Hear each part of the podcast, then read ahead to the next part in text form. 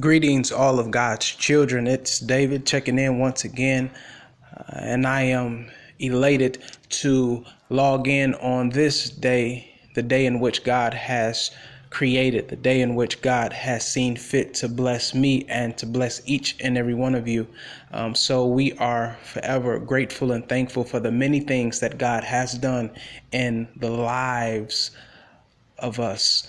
Uh, I just want to get on for a moment just to remind you, um, as it is found in John chapter 3, verse 15, that for God so loved the world that he gave his only begotten Son, that whosoever believe in him shall not perish but have everlasting life. I want to simply just come on and talk about unconditional love. The unconditional love that God has for you is unsearchable, it is unmatchable. You cannot find another love the way God loves each and every one of you. Somebody needs to hear that God loves you when people have walked out of on you, when you have suffered from neglect and abuse, when you have uh, been treated uh, with malnourishment. People have abandoned you and talked down on you. I just want to confirm and affirm in you that God loves you and He loves you unconditionally. How do I know that God loves you? Well,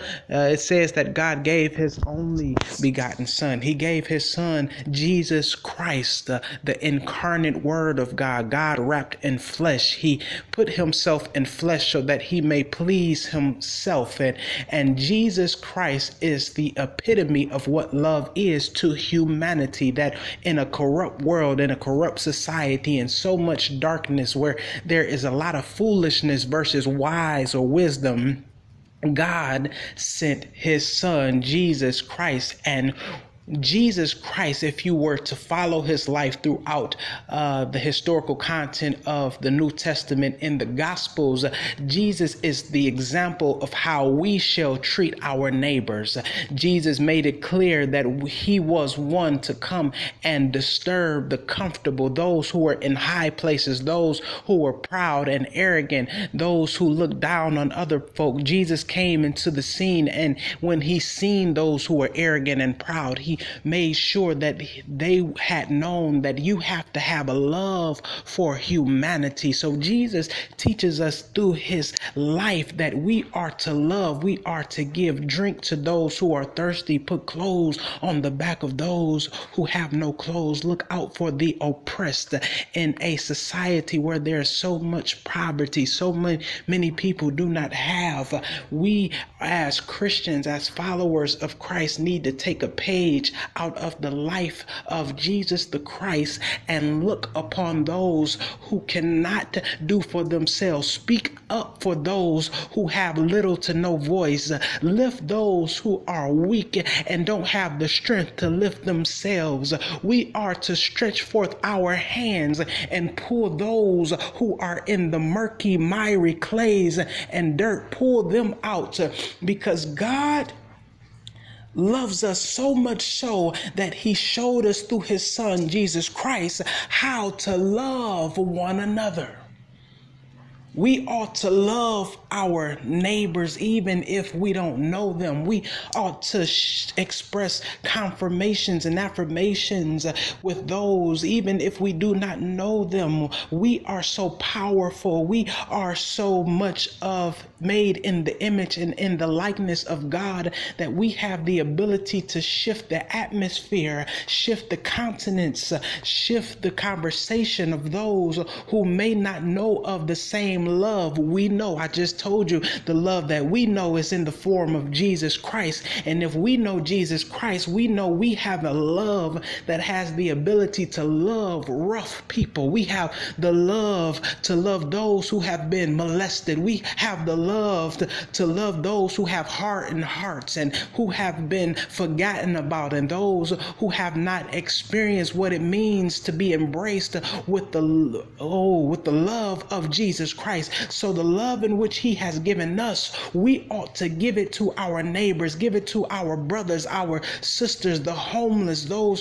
who are in need, because God has blessed us with this unconditional love. I, I love the Bible. I just love the Bible. One of one of my favorite parables in which I love is the parable found in Luke chapter 15 about the prodigal son. It is a story of a man who is wealthy, who had a lot of money and resources, and he has two sons. One uh, is the oldest, and the younger of the two sons asks his father, Could you give me the portion that is allotted unto me? The son asks his father for his inheritance before his father dies, and the father, who is a good father, a loving father, a caring father, gives his youngest son that money, the possessions in which he asks for. So the son gets his uh, his portion and he goes off to a distant land, a far land, and the Bible says that he lives his life freely. He lives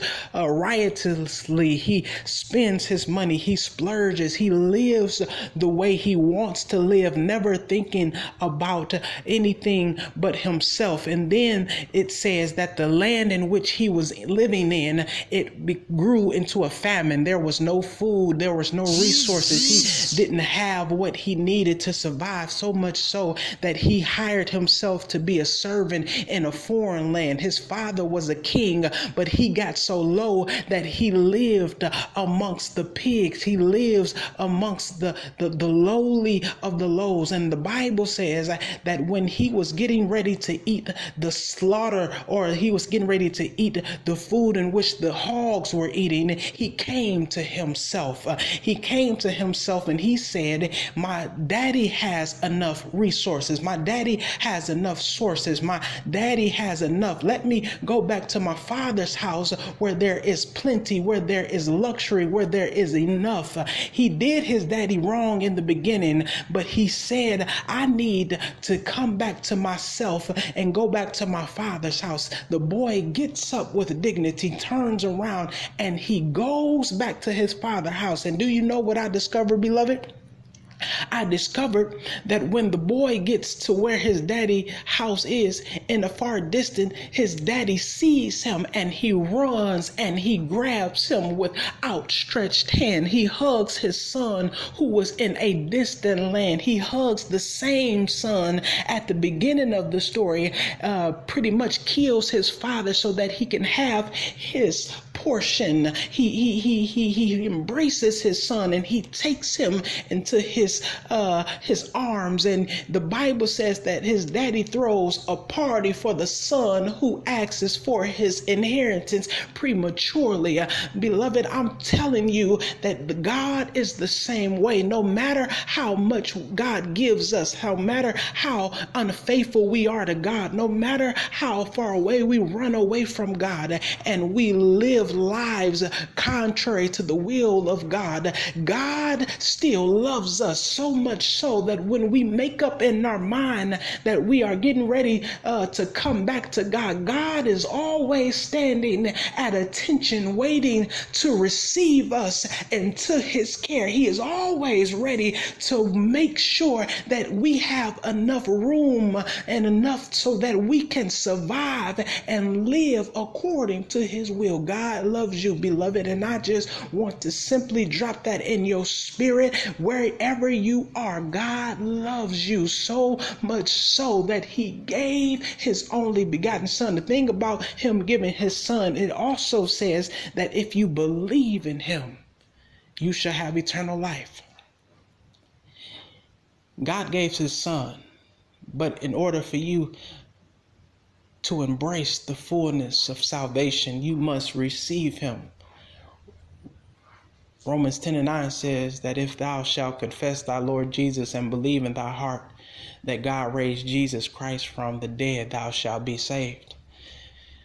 The same Son in which God gives to us, we have to make a confession and believe on his name and believe on his life and his ministry and love not only just believe but begin to manifest and do the very things in which we see Jesus Christ doing.